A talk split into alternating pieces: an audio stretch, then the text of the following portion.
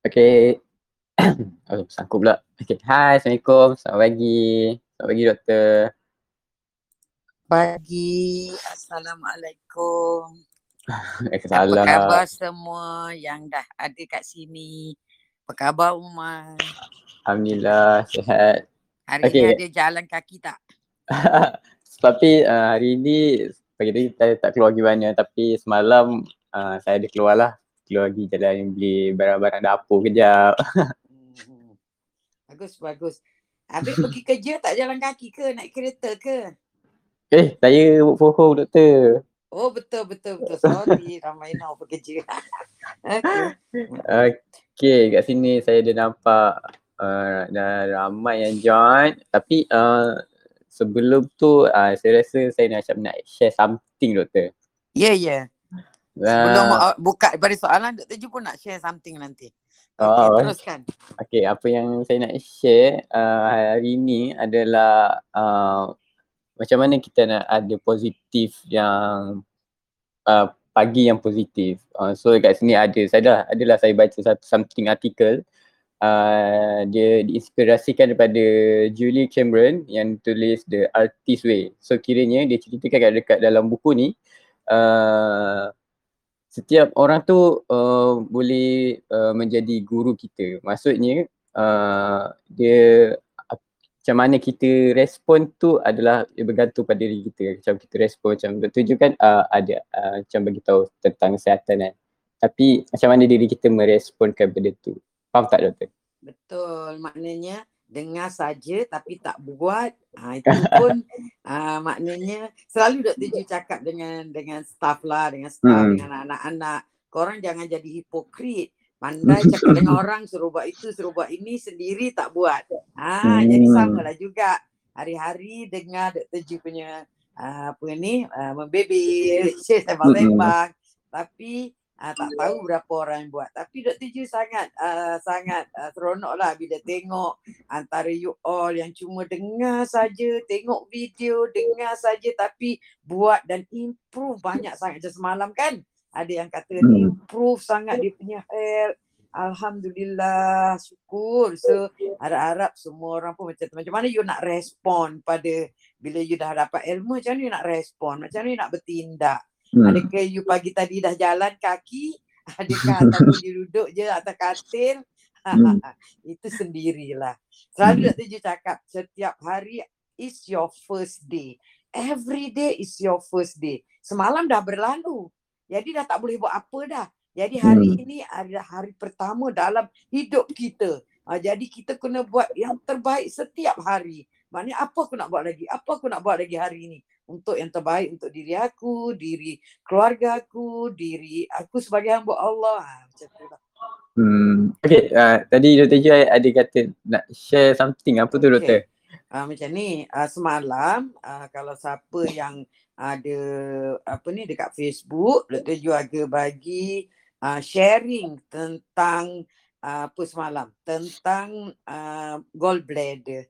Maknanya Mhm. semua pasal gallbladder ataupun pundi empedu ataupun apa ni apakah tanda-tanda kalau orang tu ada masalah empedu dan apakah akibat bila kena buang empedu. Maknanya empedu dia dah memang dah rosak, tak boleh simpan, selalunya doktor kata kena buang. Dekat Malaysia jarang memang tak ada pun orang yang saja-saja dibuang pundi empedunya sebab dekat luar negara banyak. Jadi kita dekat Malaysia taklah. Okey, jadi uh, jadi ada yang tanya Dr. Ju, kalau saya buat ketogenik diet, tak uh, maknanya kalau saya dah buang pundi empedu, saya tak boleh buat ketogenik diet lah doktor. Ah semalam pun ada yang tulis dekat chat kan. Ah Mhm. uh, maknanya saya tak boleh buat ketogenik diet ke sebab ketogenik diet dalam diet tu 75% apa yang kita makan adalah fat. Sebenarnya salah, bukannya tak boleh makan. Bukannya tak boleh kita buat ketogenik boleh cuma caranya kena tahu. Kita kena tahu bahawa Dr. Ju dah cakap semalam. Hati kita sentiasa keluarkan bile. Ha, cuma dia cair saja. Maknanya dia keluar kita tak tahu bila. Maknanya dia tidak dirangsang oleh lemak lah. Maknanya dia sentiasa mengalir sahaja. Dan ada kalinya banyak, ada kalinya sikit. Cuma timing dia tu tidak seperti orang yang ada pundi empedu bila dia makan uh, apa ni lemak, pundi empedu akan kontrak keluarkan lem apa ni dia punya bile salt kan ataupun dia punya empedu. Tapi orang yang pundi empedu dia terpaksa dah kena buang, dah lama kena buang. Jadi dia makan je, uh, dia makan tak ada siapa pun apa ni uh, empedu tak ada kan jadi tak ada keluar banyak. Jadi caranya ada beberapa cara lah.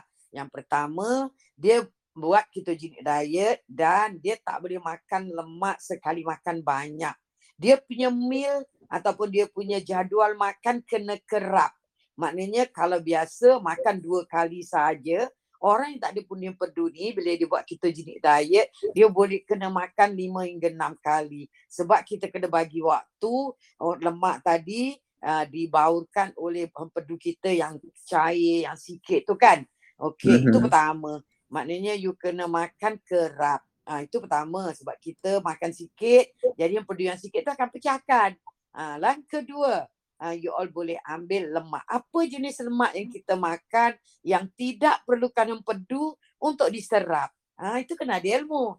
Itu adalah yang Dr. Ju selalu panggil lemak-lemak yang baik. Maknanya kalau you ambil MCT oil, paling bagus. MCT oil kalau kita makan dia tak perlukan penempedu kita di untuk untuk cairkan sebab kita kena tahu lemak tu ada saturated ada mono unsaturated. Maknanya so saturated tu maknanya dia panjang.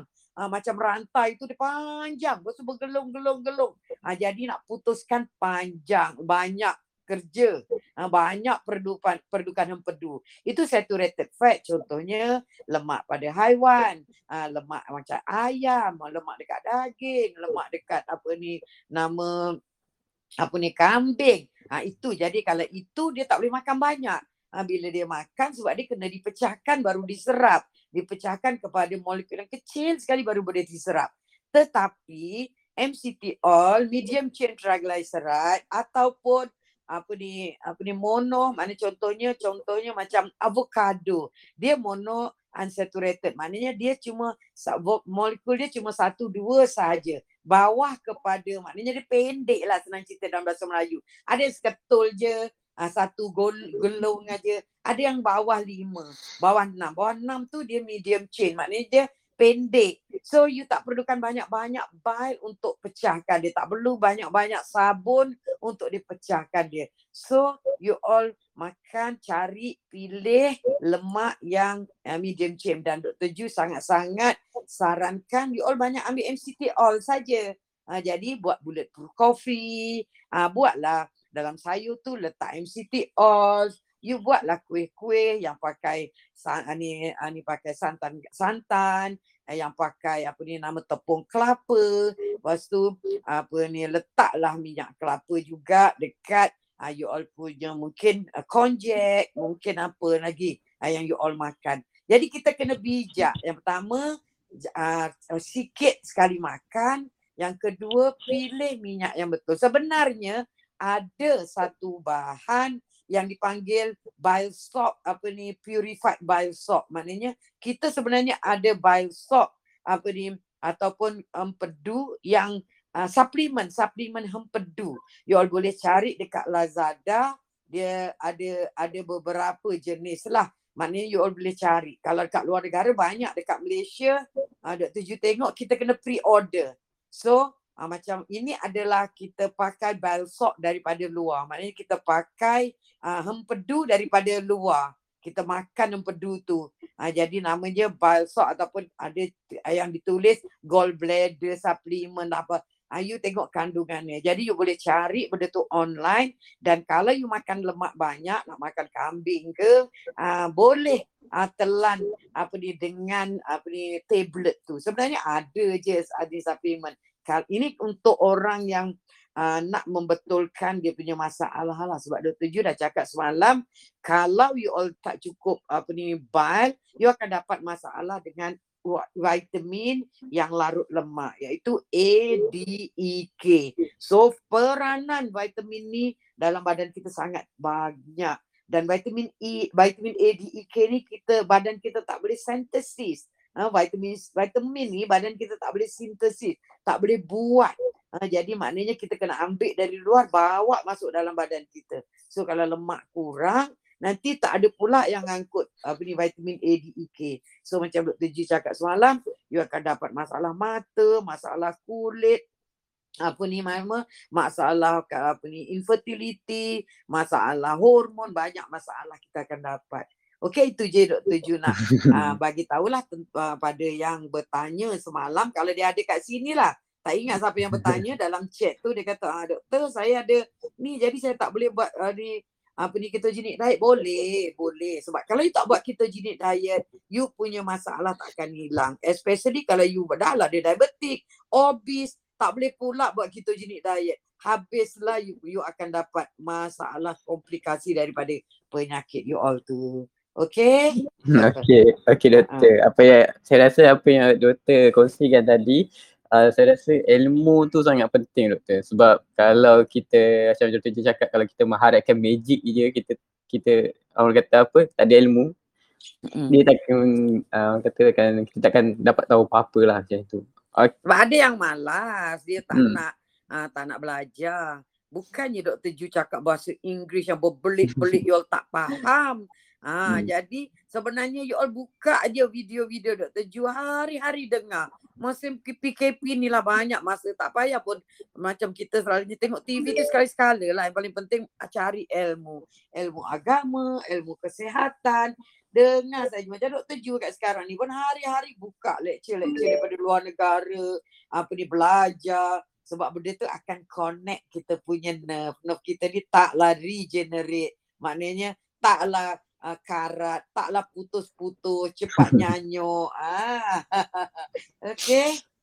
Okay, uh, so saya nampak kat sini dah ramai yang join. So saya ucapkan selamat pagi semua yang join Last Boy Chat hari ni. Uh, so saya nak recap. Uh, kalau ada pertanyaan, nak tanyakan soalan kepada Dr. Ju, uh, boleh tekan button warna biru yang kat bawah tu, yang gambar orang kat tangan tu nanti uh, saya ataupun tim akan uh, allohkan tuan puan untuk tanyakan kepada tujuh lah uh, secara live.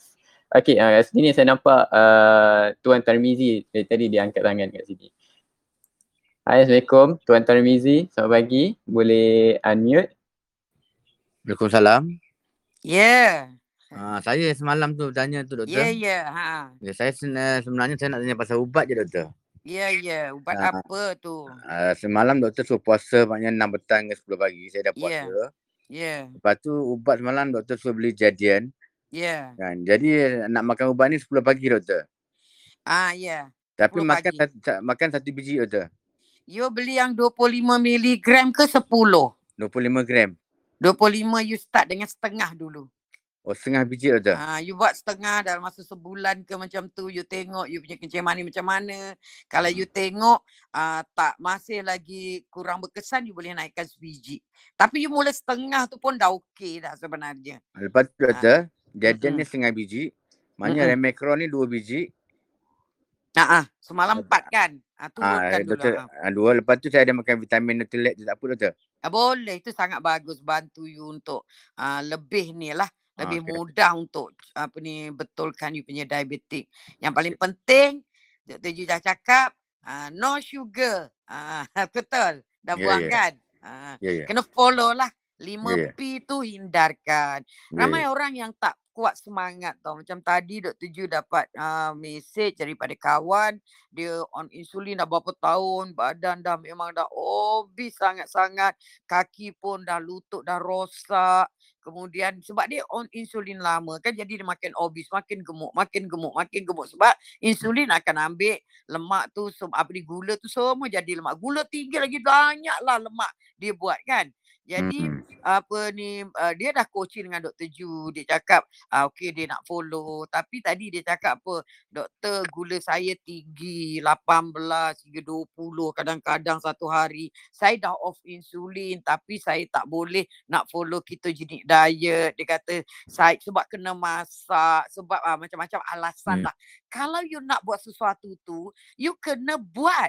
Maknanya kita kena kuatkan semangat. Takkanlah tak ada masa sangat uh, kerja tak ada masa sampai tak sempat nak masak. Ah, bangunlah pagi pukul 4. Bukannya masak susah sangat. Goreng telur je pun. masak sayur je pun. Tapi sebenarnya alasan. Orang yang buat alasan ni memang tak akan berjaya. Kalau kita buat bisnes pun sama. Orang banyak buat alasan. Dalam hidup ni orang selalu buat alasan. Tak betul. boleh, tak sedap. Roti ni tak sedap doktor. Ada yang pula yang komen. Doktor roti yang uh, Doktor Ju uh, yang beli dengan Doktor Ju tak sedap. Saya bagi uh, burung je makan. Kurang ajar. Maknanya kita banyak alasan. Benda yang kita tak pernah makan. Nak sedap makanlah roti kat kedai sana. Ah, Ikutlah you buat, buat ambil lah insulin. Ikutlah you nanti lepas tu pergilah dialisis seminggu tiga kali. Ataupun kena potong kaki. Sebab banyak alasan lah kita tak se, tak, tak, Ya, tak ya. apa ni tak tak apa ni tak apa ni berjaya nak kawal penyakit. Alasan tak Hmm. sedap lah itulah inilah itu sebabnya kita macam benda ni semua kena dilatih benda-benda yang bagus sem- semuanya tak sedap Ya doktor. Okey doktor. Uh, selepas makan pagi saya kena makan me- metformin 2 biji doktor. Hello? banyak benda yang benda yang tak sedap Sel- Selepas uh, ah ya betul selepas makan Okey, metformin ni. Lepas tu doktor, bila malam uh, insulin dah tak payah pakai, saya kena ah, makan ubat. metformin tu sebenarnya Puan Ani Encik apa ni Tarmizi boleh makan waktu you bangun pagi minum air teh air kosong tu boleh makan metformin. Maknanya sekarang ni yang pagi ni, Ah Saya boleh makan, makan. dah. selepas selepas selepas makan nasi, selepas sarapan pagi saya sudah makan lah metformin ni 2 biji. Ya ya metformin dengan Jardian tu boleh makan. Betul malam doktor, ah. malam saya dah tak doktor kata tak payah pakai injection. Ya Jadi ya. pukul 6 saya kena puasa. Jadi Ah, saya makan ubat metformin ni uh, pukul 5.30 petang doktor. Ah, boleh, tak ada masalah pun. Tu uh, Ubat ni sebenarnya kan dia tak kisah you nak makan bila. Metformin. kecuali ada ubat yang you kena makan lepas makan. Contohnya metformin, apa contohnya uh, Jardian kan sebab Jardian nak buang gula dalam you punya kencing kan. Ah, Jadi kalau ada ubat yang kalau you makan perut kosong nanti dia akan jadi masalah. Tapi kalau metformin you nak makan selalu makan pukul berapa? Pukul 8 malam. Uh, sekarang ni dah tukar doktor tukar pukul 6 pagi sampai uh, 6 petang sampai pukul uh, pukul 10 uh, apa? Ikut puasa kan. Ah boleh boleh. Tak ada Ah. masalah. Sebenarnya kalau nak makan pukul uh, biasa makan pukul 10 malam ke metformin boleh, tak ada masalah. Tak semestinya lepas makan. Oh, maknanya kalau puasa tak boleh makan juga doktor. Boleh. Sebab ini bukannya puasa yang ada pahala. Makan nanti batal tak? Oh, maknanya sekarang bila malam saya boleh uh, tak betul pukul petang lah. Mana Ya. metformin ni saya makan uh, pukul 9 malam lah. Boleh, boleh, Sebelum boleh. tidur. Ha ah betul. Oh, maknanya tak perlu lah. cara mak- dia bertindak lain. Ha ah. Oh, saya ingat kena puasa maknanya minum air kosong je. Tak, maknanya ubat saja kecuali ubat. Ubat je. Ha ah. Oh, itu je lah doktor. Sebab apa? Lepas tu saya, bila saya makan ni, uh, metformin ni pukul 9, saya makan Ha-ha. sekali dengan vitamin boleh doktor? Boleh. Tapi Ah. vitamin tu apa? Kalau vitamin yang elok, kalau vitamin tu larut lemak, yang elok dimakan dengan lemak bersama lepas makan. Vitamin tapi- apa tu? Saya pakai Neutralic, Double X, Omega. Ah itu tak apa. Itu Ah, ah. boleh makan perut kosong. Ah Oh. cuma omega tu ah boleh boleh juga sebab benda kita, kita tengok vitamin tu lah kalau vitamin tu larut lemak maknanya uh, dia elok dimakan waktu ad- waktu lepas makan. Tapi Oh. rasanya uh, Encik Tarbizi elok Nutrilite tu yang ambil apa dia lepas makan lah. Absorption dia better. Ah, Absorption bagus. dia better. Ya doktor. Okey. Ha. ah. Okay, terima kasih doktor. Okey, sama-sama. Okey, terima kasih Tuan Tarmizi tanyakan soalan. Okey, uh, dekat sini saya nampak uh, tu Puan Liza. Ah, ada Puan Asna. Ah, Puan Asna ni tadi saya, saya nampak dia angkat tangan. Hai, Assalamualaikum Puan Asna, selamat pagi. Boleh tekan button untuk unmute. Hello, Puan Asna. Tekan button mic untuk bercakap. Button Ya. kat tengah yang warna biru tu tekan. Hello, Okey. Ya, yeah, hello. Assalamualaikum puan. Apa khabar? Assalamualaikum Dr. Ju. Saya Asnah ni daripada Putrajaya. Ya, ya, ya puan. Ah, Apa Uh, problem Puan ni? saya nak tanya, saya kan uh, ba- baru operation breast cancer Ya. 22 hari bulan lepas. Oh, Ah, bulan ni. Dah dapat staging belum puan? Uh, ya? Staging dah dapat belum? Stage berapa? Uh, dia kata hari tu awal stage. Maknanya belum dapat lah confirm. Tapi kita dah operate uh, dan dia Hmm. buang sekali uh, breast yang sebelah ke kiri tu. Ya. Ah. Sekali apa ni bawah ketiak tu sebab ada kelenjar dia kata. Ha ah. Tu buang semua lah. Lepas tu nak tanya dengan doktor lah. Saya sakit sangat bawah ketiak tu dengan dengan tempat operate tu. Uh, Dah berapa hari dah operate? uh, 19 hari bulan ni baru sebulan. Mm-mm. Mm-mm. Lepas tu doktor macam mana nak buat dekat yang bawah ketiak tu ketat sangat. Lepas tu saya nak buat senaman nak kuat-kuat pun tak boleh kan. Mm-mm. Lepas tu dekat tepi tu dia macam kembung. Yang tu kebas ke doktor? Oh kembung. Kembung tu eh, sebenarnya kan Hmm. sakit tu memanglah kan. Sebab lama-lama nanti kita akan adapt. Memang memanglah tengok nasib sebenarnya. eh. Sebab bila Mhm. kita potong breast, kita potong kat dekat lengan, dekat bawah ketiak tu Aha, ada macam mana nak buat? kelenjar. Ada kelenjar kan. Jadi kelenjar tu doktor buang sebab yang pertama kalau you tak ada uh, tak ada pun dia akan ambil juga sebab dia nak buat staging. Staging tu dia nak tahu you ni you punya cancer ni tahap berapa. So Oh. kalau dia kat dekat kalau deep note dia dia ambil lah let's say 5 biji. Dalam deep note tu dia tengok ah, 5 biji tu memang tak ada cancer, maknanya you stage 1.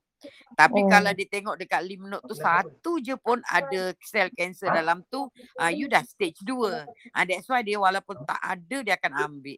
Dan sakit tu sebab bila kita potong kat bawah tu kan banyak urat saraf kan. Kadang-kadang Ah. urat saraf tu terpotong, kemudian dalam tu belum baik. Dia nak baik tu pun lama. Kadang-kadang nak baik tu dia, uh, dia dalam uh, dalam nak nak heal ataupun dia nak uh, il, apa ni betul apa ni nak hilang bengkak tu selalunya 6 minggu. Tapi untuk baik betul-betul tu selalunya minimal 6 bulan. Bergantung pada apa yang kita ambil lah makanan ke- keadaan kita lah immunity immunity kita tahap kita punya healing proses tu uh, cepat ke tak cepat umur Ha-ha. kita semuanya lah hormon kita stres kita tapi kalau sakit tu dia akan hilang sendiri tapi kalau puan tak tahan sangat dia bagi ubat painkiller tak Ha, ada painkiller. Boleh makan lagi ke doktor painkiller boleh tu? you ambil yang mana Dia bagi yang hijau hitam tu. hijau hitam tramal ya Nama dia apa? Tramadol apa? Aha, Tamadun. Ah, tramadol tak ada apa. Puan tramadol puan boleh ambil sebab dia tak Boleh. efek buah pinggang, dia tak Oh, efek perut. Ah, dia oh boleh makan lah kalau blok masa ya, blok sahan sakit. Kalau you Sebab- boleh tahan ambil ubat tu okey. Ada Mhm. orang dia tak tahan ambil ubat tu sakit kepala lah, mak muntah lah. Kalau you tahan, it okey, tak ada apa. Makan Oh, bila ada. perlu je lah. ambil. Tapi doktor kalau hmm, sebab apa saya risaunya 22 bulan 6 ni dia kata dia nak bawa pergi onkologi. Saya tak tahu sama ada kemo ke radioterapi. Tak, onkologi dia akan cek dulu. Ah, Dia akan saya kemo kemudian. Dia Oh, akan kemo kemo, kemudian. kalau tak silap uh, lepas berapa bulan daripada operation. And then dia akan bila you dah dibawa kat onkologi, uh, dia akan bagi tahu you result daripada you punya operation tu hari kan. oh, Ah, result daripada operation. tengok. Uh, dia akan bagi tahu jenis nombor satu jenis kanser. You kena tanya tau. Nombor Aha. satu jenis kanser. You kena tulis Aha. ni dan tanya. Nombor dua Uh-uh. dia grade grade berapa? Grade ni ada satu, dua, tiga. Kalau Aha. grade satu, maknanya grade ni adalah maknanya uh, can, uh, kan kanser ni adalah sel kita berubah. DNA kita diubah oleh sesuatu yang menyebabkan DNA kita ni dah lari daripada DNA sebenar. Jadi Oh. patutnya sel kita membelah satu pada dua, pada tiga. Ini dia Hmm. membelah sebab dia dah bukan dia lagi. Dia suka-suka hati je membelah. Dia membelah satu kepada enam, kepada seratus, pada seribu. Itu. Jadi tahap apa ni yang dipanggil grade cancer ni kita nak tahu dia satu, dua atau tiga. Kalau grade satu maknanya dia membelah lambat. So itu sangat bagus. Dan dia uh, maknanya dia ni tak ganas sangat. Jadi dia Mhm. boleh berkesan apa ni dengan kemo ke apa dia sangat berkesan. Mhm. Kalau grade 2 dia tengah-tengah lah. Kalau grade 3 dia sangat ganas.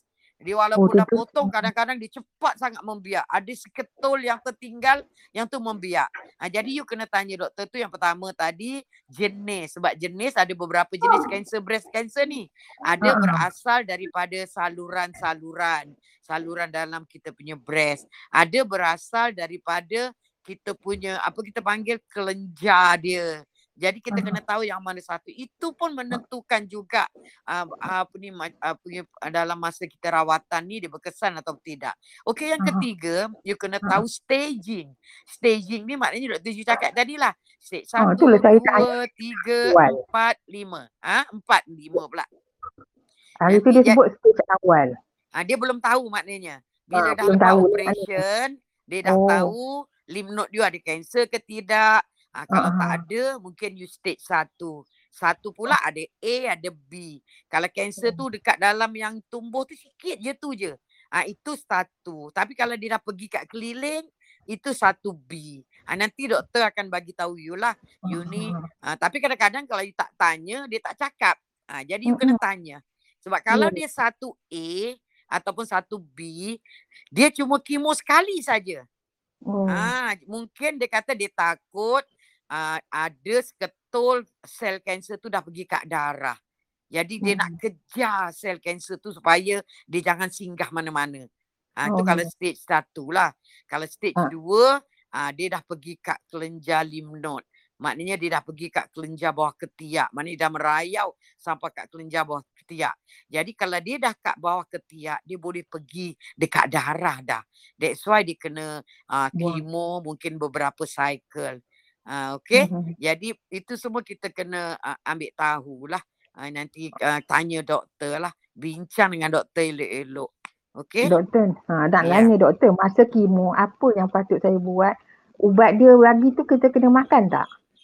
Uh, ubat dibagi uh, kalau you decided nak buat kemo kalau uh, you nak buat apa ni kemo ni kan doktor Ju dah ajar macam mana you nak buat kemo sebab kemo ni kita racunkan kita punya sel. Maknanya kan Mm-mm. kanser pertama potong Ca- cara nak hilang buang dia. Kedua racun. Ketiga bakar. Potong is operation racun is kemo bakar is radioterapi Maknanya kita ada tiga uh, tiga cara. So bila Hmm. kemo, you racunkan sel-sel kanser yang ada dalam badan you. Tetapi dia racunkan juga sel normal. Especially sel yang dalam darah lah. Sebab Mhm. uh, kanser tu akan jalan dekat darah kita kan. Dan dia nak Mhm. attack kanser-kanser yang dah lepas daripada breast dah pergi kat darah. Jadi apa yang uh, kita buat, kita racunkan sel-sel tu tetapi dia meracunkan juga sel darah kita. Uh, sel yang Mhm. ada dalam darah kita. Dan apa yang berlaku that's why kita akan dapat kurang sel darah merah, kurang sel darah putih. Uh, kemudian rambut pun semua gugur sebab apa yang laju jal, uh, naik dia akan uh, dia akan bunuh. So uh, untuk mengelakkan daripada berlakunya tu itu yang Dr. Ju cakap you kena minum izumio. Izumio ni is very highly concentrated hydrogen gas. Memang dia Ah. mahal uh, tapi you boleh tengok you boleh buka YouTube boleh boleh cari dekat ni yang dia memang ada kajian yang memang kajian dekat ada jurnal dia yang menunjukkan kalau you ambil izumio before chemo Ah, before chemo you ambil you siapkan sel-sel you yang hidup tu supaya dia tahan pada chemo. So bila you Mhm. undergone chemo cuma sel kanser saja yang mati. Dia dah buat kajian dah. Sel kanser Oh. mati, sel biasa hidup. Lepas tu dekat Doktor, Izumio ni ada dekat klinik doktor je ke? dia boleh uh, memang Dr. Ju ada jual lah. And Ah. then apa ni ada banyak sebab dia ni under direct selling kan. So kalau yang elok you better jangan beli online online dulu lah because sekarang ni banyak tiruan Dr. Ju banyak ada Oh, komplain juga. takut juga kan? Ah jadi kalau you nak buat you boleh bincang beli dengan uh, staff Dr. Ju. You boleh masuk member, you boleh beli sendiri dekat company macam-macam. Eh, You kita boleh advise you lah. Tapi saya you tak takut tak tu. sempat je nak beli sebelum kemo. Ah tak boleh sempat. You tak tahu lagi bila you kemo. Ah, Dia tak tahu lagi. kemo selagi you tak baik. Lagi Ah, you tak baik, you punya luka Ya, semua dia takkan kemo. ni belum tentu lagi tarikh dia kan? Ah, belum tentu dia nak jumpa Hmm. dengan you sebab dia nak bincang. Maknanya Ah. sebelum kemo boleh makan ambil izomio lepas tu doktor yang sopolutin tu tak ada ke botol kecil ke yang murah sikit Oh, bu, yang supolutin tu, memang benda tu dijual macam tu. Tapi kalau you Memang. nak request, let's say you Hmm. nak request per, uh, ni uh, special request, you boleh Aha. discuss dengan tim Dr. Ju lah. uh, mungkin kita Kalau saya- masukkan apa ni separuh kan. Tahulah, Sebab kalau yang datang kat klinik Dr. Ju, kita selalunya bagi yang sikit-sikit macam tu juga. Tapi Aha. online ni selalunya kalau uh, jauh ni kan uh, kadang-kadang jauh. berbaloi nanti. Yelah. Uh. Dia biasa harga dia berapa doktor? Dah isi dia berapa? 100. Uh, isi dia 100. Ah, Harga yang dia maknanya harganya politin biasa. 440. And then kalau yang itu kalau you ambil sebiji tiga kali itu support uh, support you punya sel tu lah sebab bila you on, on chemo you cancer ni ma- banyak sangat you punya badan hilang nutrien and then you lepas chemo nanti selalunya orang tak lalu makan macam-macam kan. So nutrien you macam mana you nak baik? Lagi satu kan bila kalau lah ni nak uzubillah kalau lah you kena chemo kan uh, you amalkan intermittent fasting sepanjang chemo tu you kurangkan makan banyakkan minum air saja Hmm. untuk Ambil bagi IF ya badan you ha Ambil IF ya masa Ah. sebelum masa sebelum tengah chemo tu buat IF. Ha, buat IF. uh, makan banyak-banyak ni yang dia banyak ambil yang high fat lah high fat punya diet supaya you tak lapar supaya badan you boost immunity Oh, supaya hormon-hormon you boleh naik tu, untuk lawan kalau kanser tu kalau saya ambil izomio je Mm-mm. di boleh boleh Yang selepas lain boleh. tu you boleh ambil, you boleh ambil produk apa ni macam vitamin C ke, vitamin tapi I, I uh, doktor je nak bagi tahu kat sini lah. Doktor-doktor especially dekat onkologi sana dia sangat skeptical dengan suplemen tu. Memang dia dia tak sangat bagi. Ya. skeptical. So you tak perlu cakap pun. Sebab doktor je dah selalu cakap you kena apa ni even ya Allah orang ambil uh, ada doktor-doktor tu vitamin C pun tak bagi ambil. That's why doktor Ju cakap uh, doktor-doktor ni banyak yang uh, yang sangat-sangat ego, sangat-sangat uh, tak ada ilmu, dia dia dengar-dengar je cakap orang sebab dia orang terinfluen, terinfluen dengan uh, farmasi. Because farmasi tak nak vitamin industri naik. Sebab kalau vitamin industri naik, suplemen industri naik, dia orang semua sehat. Orang tak akan makan ubat dia. You faham tak maksudnya? Sebab ini Ah. adalah konspirasi. That's why doktor-doktor ni banyak diracuni oleh farmasis lah. Senang cerita. mak, maknanya doktor masa tengah Mm-mm. kemo ni saya buat IF, lepas tu kalau saya ambil izomio je tak apa. Ah, tak Selepas apa. Tu baru saya kalau ada rezeki saya nak ambil sepulutin tu Ya selepas boleh, betul, betul. eh, Sekarang you prepare tapi untuk you punya sel kuat kena dulu. makan juga doktor? Apa dia? Kalau dah ambil sepulutin nanti dengan Ah, izomio tu ubat hospital kena makan juga, kena jarakkan ke? ah, kena jarakkan je. Jarak Jarakkan makan dalam tu dua jam macam tu je. Ah. Makna kena makan juga lah ubat ya? Ya kena makan. Dia selalunya pun tak bagi ubat apa sangat pun. Paling-paling Oh. iron, paling-paling sebab kemo you dah diinjek kan. Mm-mm. Tengoklah apa dia bagi. Nanti boleh bincang balik ubat apa dia bagi. Kita boleh Mm-mm. uh, tengok. Uh, Dr. Ju boleh review balik. Mm. Boleh reverse cancer ya doktor? Boleh. Ah, Positif. Uh, sebab saya Dr. Ju lalu cakap everybody ada cancer dalam badan dia. Sama ada you bagi makan ataupun tidak. Yang paling hmm. penting untuk melawan cancer you kena strong. You tak boleh stress. You kena Ya, strong, kena kena positif, kena tu kuat. doktor boleh ya doktor? Ah boleh. You kena kuat and then you apa ni kita usaha sebaik mungkin. Yang lain tu kita serahkan pada Allah Taala. Yalah. Maknanya hidup mati kan Allah Taala yang tentukan. Baik boleh uh, baik tak baik pun Allah Taala yang bagi. So kalau Yalah kita tak yang ada tak kita tak boleh pula tidak berusaha. Jadi kita Ha. berusaha berusaha yang lain tu redha je lah. Uh, tawakal redha. Jangan Ya. stres-stres. Okay. Ha. Tak perlu Okey nangis dok. pun apa. Kalau tak mati kanser pun mati kat jalan raya. Kena accident Betul mana dok. kita tahu. Sebab sebab doktor Hmm. saya ni memang fast food memang tak makan. Alhamdulillah. ah gula daripada mula kahwin sampai hari ni tak naik rumah. Susu Ya. pekat tak makan. Fast food Mm-mm. saya tak makan. Bila kena ni saya memang terkejut. Tak Ya. tahulah. Saya mungkin saya ada ambil hari tu gromo, apa gomogen. Uh-uh.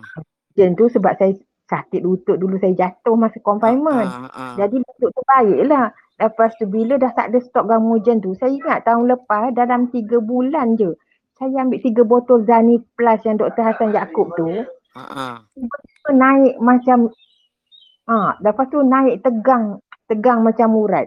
Oh. Wallahu a'lam lah. Apa ni. Lagi satu kan sebenarnya puan, uh, dia ada uh, genetik kita.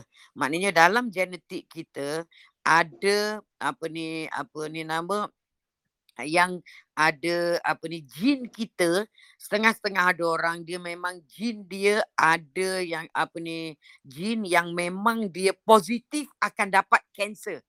Faham tak? Hmm. Maknanya u- uh, kadang-kadang uh, ada beberapa orang Mbak Ju tu je dah jumpa. Ada orang ni dia punya uh, dia ada satu jin namanya BRAC BRAC dia memang positif. Maknanya you memang akan dapat kanser kalau you tak buat sesuatu. Maknanya you kena sangat-sangat hati-hati dan dibagi tahu kat situ apa you kena makan supaya you you punya jin ni apa ni apa ni turn off.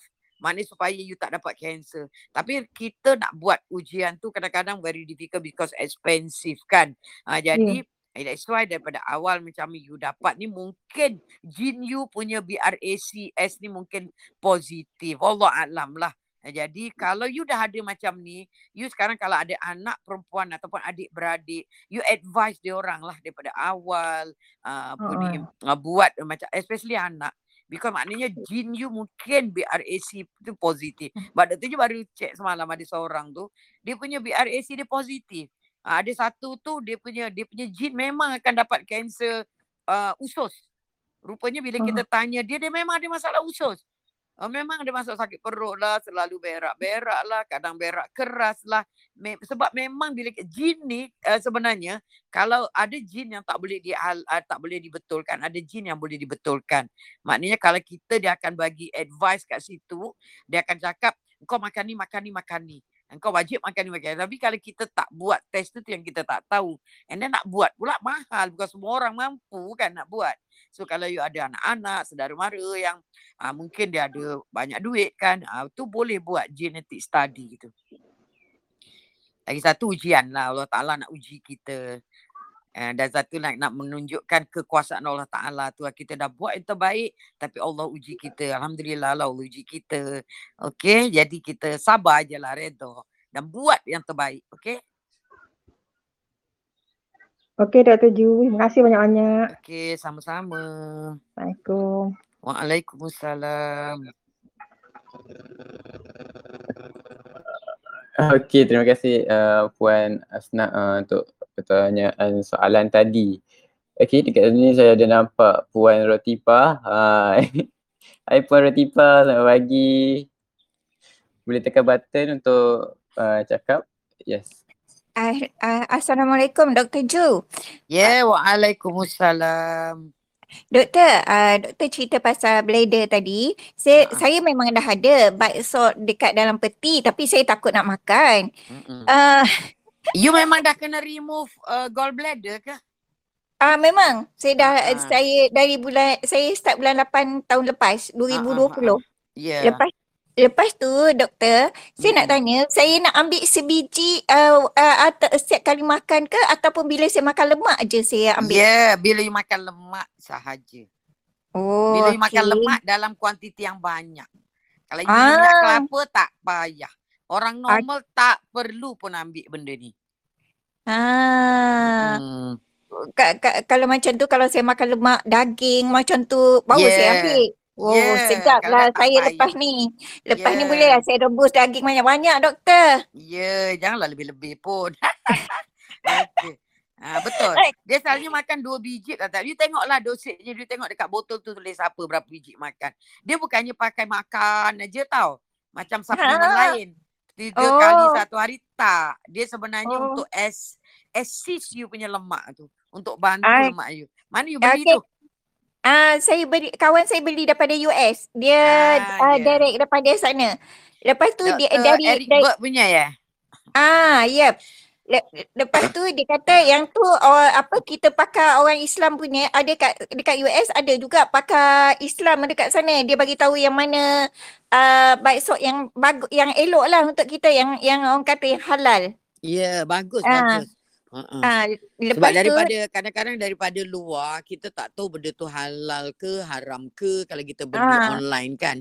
Tapi betul kadang-kadang uh, kalau kita dah tak ada uh, tak ada cara lagi kan uh, kita Ah. ambil je lah. Uh, kalau uh, maknanya antara hidup dan mati kau kau, kau tak ambil kau akan sakit. Ah contohnya macam tu lah. Tapi sebenarnya kita kena tahu juga salt tu daripada apa. Ha, betul dia buat daripada apa. Ha, kita kena Google jugalah. Kalau kita Hmm. agak-agak dia punya tu adalah apa ni nama uh, halal, kita ambil lah. Kalau tak cari brand lain. Macam you baguslah dia dapat orang tolong bawakan. Boleh belilah banyak terus. Ah betul doktor. Alhamdulillah. Lep- Itulah sebabnya saya tak tahu cara pemakanan dia. Saya jadi takut macam orang kata uh, bahaya nanti makan. Lepas tu bila doktor Mm-mm. cakap macam ni bagus. Saya tahu bila kita makan bila perlu je. Ya yeah, Bila betul. perlu je. Okey Sebab doktor, dia terima kasih. bukannya suplemen. Ha. Okey. Okey doktor, terima Okey, kasih. Sama-sama.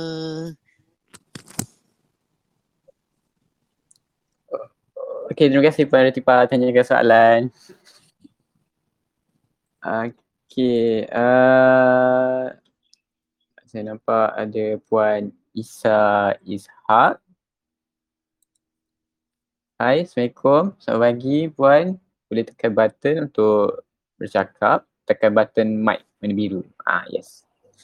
Assalamualaikum. Ya, Waalaikumsalam. Laki bukan puan. Maaf, maaf, maaf. Saya ingat Puan tadi. It's okay apa. Okay, doktor saya pernah apa coaching dengan doktor, pernah pernah uh, online dengan doktor sebelum Ya. ni untuk penyakit buah pinggang. Ya. Lepas kita makan dah yang apa apa Olimio apa? Ah, Olimio. Ha, dengan Stage dia berapa punya ah tak ingat. Stage berapa? uh, 3B.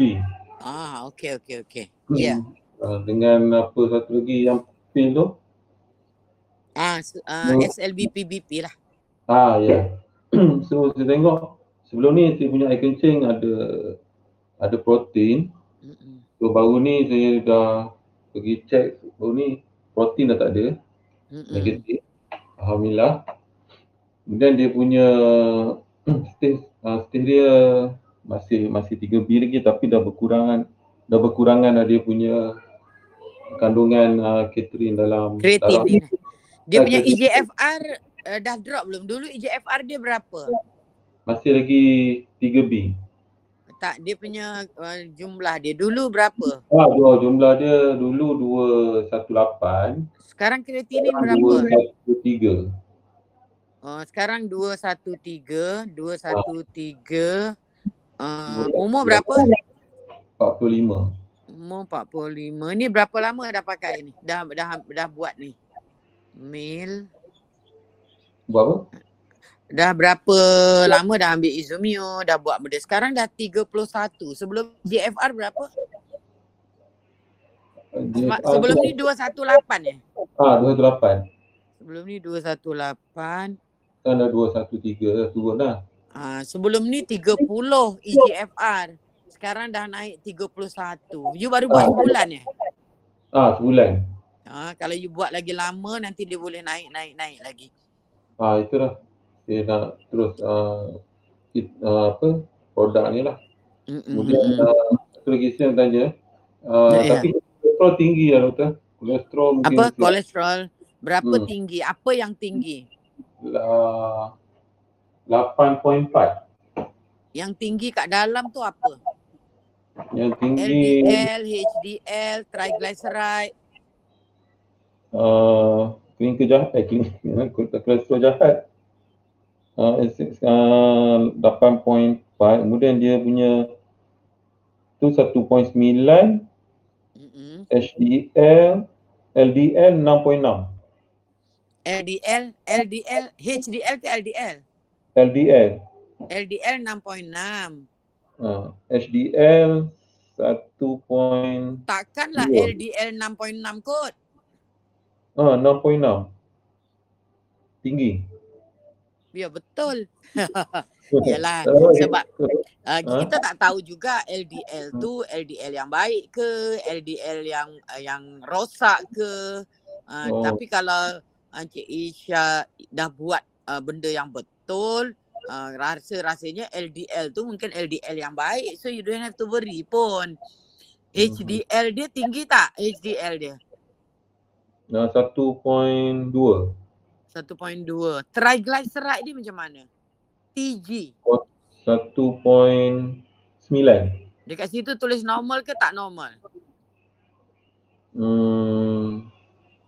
Uh, dia Dia tulis H ke Ya. L ke? high. Eh, ah dia tulis dia tulis uh, high je lah sebab dia eh, dalam 0.0 1.7 tapi dah lebih 1.9 kan. Uh, so Hmm. yang yang uh, ni you you diabetik kan? Tak ada. Tak ada. Ah, Yang uh, ni lupa dah. You punya kidney disease sebab apa? Gout. ah dah. Oh sebab gout.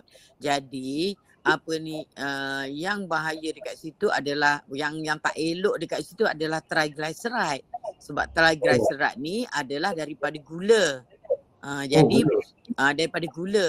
Gula kita makan tu bila dia lebih dalam darah kita dia masuk apa ni badan kita apa ni akan keluarkan stimulate insulin insulin akan tukarkan gula tu jadi triglyceride jadi triglyceride tu adalah kita punya simpanan lemak lah. So disimpan dalam kita punya sel. Uh, dalam kita punya sel sel jadikan kita obese. Jadi kalau dia tinggi dekat darah maknanya dia punya pembuat dia spill. Maknanya dia bocor lah. Maknanya dia uh, dia pembuatan dia banyak sangat. So cara nak turunkan dia adalah kita kena off sugar. You pun nak off sugar kan? Ya sudah doktor. Mm-mm. jadi yang you tengok sekarang is triglyceride je maknanya Oh, uh, ada nanti dia pelan-pelan akan drop. Tapi LDL tu you don't have to worry sebab LDL kan doktor je dah cakap uh, dia orang uh, you kena tengok lecture daripada Dr. Nadik Ali tengok macam mana kajian-kajian dekat, dekat yang dibuat kat luar negara di mana kalau LDL kita tinggi kita punya uh, chances untuk apa ni hidup lama tu lebih daripada orang yang LDL dia rendah. Yang tu kita kena tahulah lagi satu LDL dia ada dua jenis Dr. Je dah cakap kan satu LDL P partikel satu lagi C satu tu adalah LDL yang LDL ni adalah sampan. Dr. Jaya cakap LDL ni kereta. Dia angkut triglyceride tadi nak dibawa ke sel.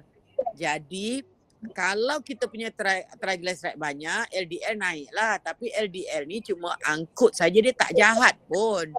Ha, yang Okey. apa yang berlaku LDL tadi dah dihantar barang dia balik semula dekat hati. Ha, tapi ha, kalau dekat tengah jalan dia diserang oleh penyamun.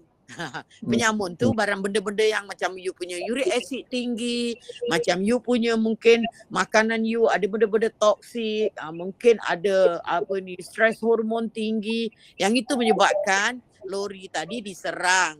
Bila diserang dia dah terbakar, bila terbakar hangus dia balik semula dekat hati, hati tak nak terima dia. Dia jadi bahan yang yang tak elok. Bahan tak elok tu lah yang merosakkan you punya salur darah, you buat macam-macam. Itu dipanggil LDL P.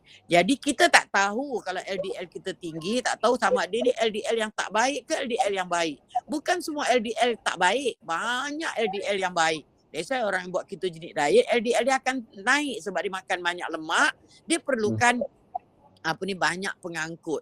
Okay? So, uh, you don't have to worry, buat everything good. Macam maknanya you kena, uric acid you berapa sekarang? uric acid dia tak ambil lah doktor. Apa? Dia tak ambil. Dia tak ambil. Uh, you yang kena buat sendiri. Pergi je kat klinik mana-mana check uric acid. Mungkin you punya LDL tinggi, mungkin uric acid sebab uric acid you tinggi. Jadi bila dia tinggi, uh, banyak radang. Uh, dia yang dia yang serang LDL you. Uh, mungkin, I don't know. Sebab kalau kat luar negara kita boleh check. LDL tu ada bawah-bawah dia kan maknanya LDL uh, C, LDL P tapi kat Malaysia tak ada. So, Ya, kena makan ubat dia dulu ke? Ubat jangan makan sebab kalau you makan di buah pinggang you nanti lagi teruk. Kena faham tu sebenarnya kita elok kita apa ni betulkan secara semula jadi. Ambil omega 3 banyak-banyak juga. Omega Mm-mm. 3. Ha, you dah ambil SLBPP tambah omega 3. Kalau dia tinggi sangat banyak radang, kadang-kadang kita kena ambil sampai 3000 uh, 3000 miligram satu hari. Tapi dalam fopolutin tu dah ada dah. Uh, tapi mungkin you kena add lagi lah. Lagi satu untuk hilangkan radang you supaya LDL you drop. Yang terbaik juga ambil kukumin ni. Kukumin ni sebenarnya ekstrak daripada kunyit sebenarnya. Itu boleh cari dekat uh, dekat uh, online ke uh, dia ada kukumin. Kukumin ni bukannya kunyit tau. Uh, contohnya lah kan uh, Mhm. dalam kunyit ni dia ada macam-macam. Ada fiber, vitamin, din, din, din, din, din. Dan salah satu daripada bahan aktif dia namanya kukumin. Kalau untuk dapatkan uh, punya berapa miligram kukumin tu mungkin you kena ambil sekilo kunyit ke macam tu baru dapat. So kalau kita minum air kunyit uh, dalam tu ada macam-macam tapi tak cukup therapeutic level untuk turunkan you punya uh, inflammation yang banyak, radang yang banyak ni. So kadang-kadang kita kena ambil beli kapsul dekat luar lah. Boleh cari ada yang uh, bagus-bagus punya ni. Kalau apa ni kalau ditulis kat situ kukumin maknanya dia bukan kunyit biasa. Maknanya dia adalah ekstrak. Dia dalam bentuk minyak, ada dalam bentuk serbuk. Hmm, tapi ramai orang yang uh, yang selalu ambil yang macam mungkin kunyit tu di, uh, di, dikeringkan, dis, uh, diserbukkan, diminum. Uh, itu tak ada masalah. Cuma dia sikit sangat. Uh, contohnya eh, apa ni kalau uh, dia ada satu produk SK2, SK2 produk uh, produk apa ni nama uh, muka kan untuk orang krim muka. Uh, Hmm. dia menggunakan yang dipanggil Plitera. Plitera tu adalah daripada basuhan air beras. Uh, so kalau uh, Plitera basuhan air beras tu mungkin untuk you uh, satu besin air beras tu cuma dalamnya tu sikit je uh, Plitera. So kalau kita basuh muka pakai air beras memang taklah akan jadi muda. Tapi Oh. dia orang ekstrakkan Plitera tu uh, dibuatnya diambil dia letak dekat dekat dalam krim dia so bila kita sapu kita memang dapat banyak Plitera. Sama juga kukumin ni. Kita kena faham kukumin tu ada dalam kunyit. Uh, jadi ada company yang ekstrakkan kukumin tu untuk kita ambil. Tapi kalau misalnya tak boleh dapat, minum aja air kunyit. At least adalah dapat khasiat lain kan. Ha. Okay, faham, faham. Mm-mm. Soalan la- terakhir tu. Ya, ya, ya. Apa ni untuk yang penyakit saya ni, Ya. breakfast apa yang boleh saya makan lah doktor? Apa dia? Pilihan lah, breakfast, Oh, sarapan. breakfast. Hmm, Ah, tak banyak Cik Isha kan buat apa ni baru stage 3B pun tapi walau macam mana pun kena jaga kan. So you Ah. buat tak intermittent fasting? Ada. Okay, so you Kan. maknanya you breakfast pukul 10 kan? Pagi you jalan-jalan macam Dr. Ju lah pagi-pagi jalan-jalan keliling rumah, ujung sana, ujung sini. Ingat tak ingatkan Anissa ni. Okay. So uh, pukul 10 tu you makan apa ni you terus-terus isteri buat flaxseed. Eh flaxseed pula chia seed.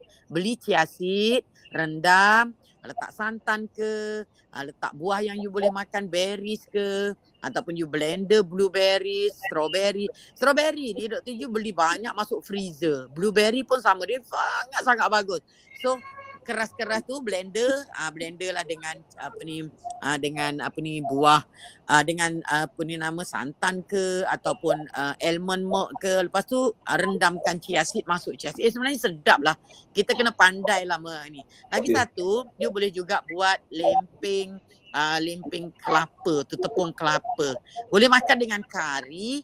Uh, kalau you takut sebab you baru stage 3B mungkin you boleh ambil kuahnya you boleh ambil kuahnya letak terus sebab you belum sampai 5 tau. Uh, maknanya you boleh ma- makan lagi. Maknanya kalau you letak ikan ke uh, you ambil kuah dia uh, letak uh, makan dengan sayur-sayur dia. And uh, lempeng kelapa ni dia punya resepi kan beli tepung kelapa beli psyllium khas uh, itu ada dekat Diju kalau tak tahu boleh tanya steam Dr. Ju lah kalau satu ya. cawan tepung kelapa, letak setengah cawan psyllium khas, letak minyak uh, uh, minyak kelapa tu lah minyak kelapa dalam satu perempat cawan, letak garam sikit, air panas tu dalam uh, dalam dua cawan kot. Uh, jadi uh, lepas tu diuli-uli-uli, kemudian buatlah macam lempeng tu sebenarnya dia naik, dia cantik sangat, macam lembut sangat. Uh, yang tu you boleh jadi macam lempeng lah. Uh, kita panggil tepung uh, nan lah, roti nan. Yang tu you boleh mas, uh, makan. Lagi satu you boleh buat uh, daripada tepung Bali. Tepung Bali you boleh cekodok. cekodok tepung Bali ni kalau nak lembut sebab kita tak pakai telur. So kita gantikan flaxseed. Flaxseed tu sebagai telur. Kalau nak nak, nak yang flaxseed meal boleh jum, beli dekat DJ Elders ataupun kalau you beli yang biji boleh blender. Satu sudu uh, flaxseed ni campur tiga sudu air bersamaan dengan sebiji telur. So you campurkan tepung Bali ni dengan flaxseed ni. Ha, lepas tu you letaklah apa yang you boleh. Ha, lepas tu boleh apa ni nama go- goreng. Dia sangat lembut, sangat sedap. Jadi you boleh buat cekodok. Itu boleh makan pagi lah kan. Banyak sebenarnya you boleh makan. Boleh boleh buat bubur Bali. You boleh buat buat uh, sup, uh, buat sup. Oh. Kemudian dalam tu tabur-taburkan Bali. Sebenarnya and then you boleh minum bulletproof coffee. Bulletproof cocoa. Kalau bulletproof coffee maknanya you letak MCT oil ataupun MCT powder, letak kopi, letak pemanis kalau you nak letak pemanis lah. And then you boleh letak santan ke ataupun letak susu almond, blender minum tu sedap. Ataupun you let, kalau tak nak kopi, you letak koko. Ataupun you letak berries. Ha, jadi sebab you punya potassium tak naik, you baru 3B. Ha, you boleh ambil juga avocado. So avocado you blend ini memang sedap. Dr. Ju punya favorite avocado blend dengan apa ni Dr. Ju selalu dengan air je. Avocado sebab avocado dah pekat kan. Uh, blend Yeah. dengan air je tu pun dah dah sedap dah. So kita kena pandai lah macam you boleh juga buat kuih yang daripada tepung almond, tepung dia campuran dia macam pulut lah. Kalau you nak buat pulut, uh, cara dia adalah you pakai konjac. Uh, konjac ni, uh, konjac yang rice tu, yang konjac nasi, uh, you letak dalam tu tepung kelapa sikit, you letak you uli dengan siliam khas, you kukus kejap. Sebiji macam macam apa ni nama pulut. So you boleh buat pulut panggang macam Dr. Ju buat pulut panggang pakai itulah. Tapi tak ada beza pun macam biasa. You boleh juga buat kuih uh, kuih koci, kito, belajar de- dekat YouTube Dr. Ju ada ajar. You boleh buat gurah Melaka, you boleh buat apa ni apa nama uh, kuih apa lagi uh, sebenarnya badak berendam lah you boleh buat putri mandi kita yang kena pandai that's why wife kena join Dr. Ju punya kelas masak kelas Oh. masak You boleh beli uh, konjac mie tu ataupun konjac spaghetti.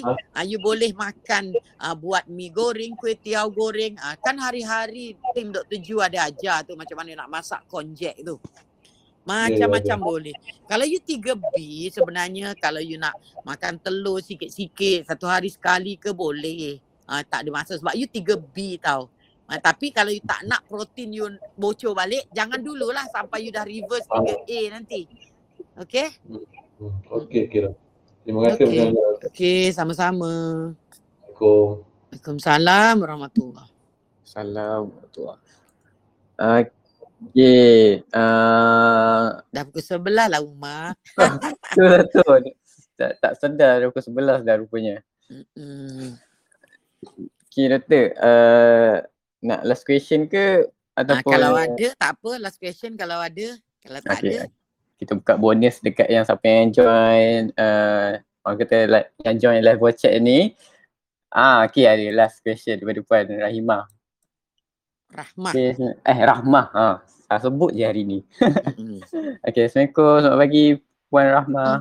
Salam. Assalamualaikum doktor. Ya, Waalaikumsalam puan. Uh, Okey doktor, um, saya ni sebenarnya bila dengar doktor punya talk ni saya rasa banyak betul lah penyakit saya ni saya rasa macam kena dengan saya. Umur Okey, berapa sekarang ni- puan? Okey sekarang ni macam ni doktor. Eh, apa doktor? Umur berapa? Uh, saya sekarang 54. Ya, muda lagi. Ha. Itulah doktor. Saya sebenarnya hari tu ada juga uh, apa uh, dekat uh, dekat chat tu ada tulis jugalah kat doktor yang saya kata ada apa saya punya problem vocal cord tu kan. Mm-mm. Aha, and then lagi satu saya pun ada reflux juga doktor. Reflux saya ada macam fatty liver pun ada. Angin Mm-mm. pun ada, migraine. Saya pun tak tahu kat mana saya nak mula dulu untuk buat treatment tu. Maksudnya Ah. nak ambil apa, nak nak bagi nak start yang mana kan? You you- mula-mula you kena startkan you punya masalah uh, reflux tu, usus tu. You join Dr. Ju punya seminar hari Sabtu ni. Itu Hari yang paling mula-mula sekali sebab perut tu apa ni masalah usus membawa kepada masalah lain. Sebab you mungkin ada leaky gut syndrome. Oh, sebab saya migraine teruk sangat lah sekarang lately ni boleh kata hampir setiap hari doktor. Ah, tu sebenarnya kita Dr. Ju ada migraine dah lebih daripada berapa puluh tahun. Tapi bila kita buat benda yang betul, tak ada pun migraine tu sebab kita buat tak betul. Ada benda yang kita buat tak betul. Usus kita tak sehat. Banyak berlaku maknanya you ada kita ada masalah leaky gut syndrome. Bila kita ada leaky gut syndrome banyak toksik dalam badan kita. Manalah kita ada masalah. Bukannya uh, ni kita ada leaky gut syndrome juga. Jadi leaky gut syndrome membawa kepada leaky brain. Maknanya kita punya apa kita makan pergi kat brain. Dia saya sakit kepala, sakit kepala aja. So you kena mula betulkan usus dulu. You dah tahu usus you dah dah uh, ni dah tahu macam nak betulkan usus, you dah betulkan usus semua. Dan satu lagi you kena betulkan you punya masalah fatty liver tu. Fatty liver menyebabkan hati you rosak. Jadi bila hati you tak ber, berfungsi dengan sempurna, toksik dalam badan you tak boleh nak neutralkan. So two in one you buat uh, betulkan usus lepas tu you buat liver detox uh, maknanya you buat intestinal flush dengan gallbladder, gallbladder flush intestinal cleansing ya tak lepas tu you mulakan intermittent fasting uh, intermittent fasting dan ha ni low carb diet very low carb diet Mm-mm. Hmm. Nanti you akan bantu tapi yang paling penting sekali you join apa ni macam mana uh, ni kelas leaky gut syndrome tu hari Sabtu ni. Banyak Hmm. you akan belajar nanti. Okey, Okay. insyaAllah doktor. And then Okay. doktor, nak tanya Yeah. sikit lah untuk suplemen ni. Um. Okey, suplemen ni semua ni saya boleh beli ni sekarang ataupun saya join kelas dulu kan macam mana doktor? Untuk Ha, you suplemen. join Saya kelas senang. dulu, dengar dulu lah. Ha, lepas tu barulah beli. Nanti kalau you Tak makan tak ada ilmu pun, you tak appreciate. Makan, makan. Apa tak, tak baik? Apa selalu makan ni penat aku beli mahal-mahal tak baik sebab you tak appreciate. Sebab you tak tahu apa you buat. Ni macam Oh, you okey. pakai makan saja macam kita sembayang saja tak tahu apa tujuan dia. Ha, jadi samalah. Hmm. Jadi kita tak appreciate apa yang kita buat. Semua-semua benda kan kena ada ilmu. Hmm. Okay. Sebab kalau nanti you blame sana, blame sini, blame diri sendiri, blame orang tu, blame orang ni sebab kita tak tahu apa kita buat. Okay. Mm-mm. Hmm. Okey, tak apalah kalau macam tu saya join kelas dulu lah insyaAllah. Okay, Okey, okay. Terima kasih Puan. Ya, Okey, ya. Apa dia? Assalamualaikum. Ada nak tanya apa? Ah, tak ada. Uh, Ah, okey. okay, okay. Waalaikumsalam. Okay semua, terima kasih kepada yang bertanya, terima kasih kepada yang mendengar. Okay, terima kasih apa ni uh, yang baik tu daripada Allah Taala, yang ke, ada kekurangan tu daripada kelemahan Dr. Ju. Dr. Ju minta maaf.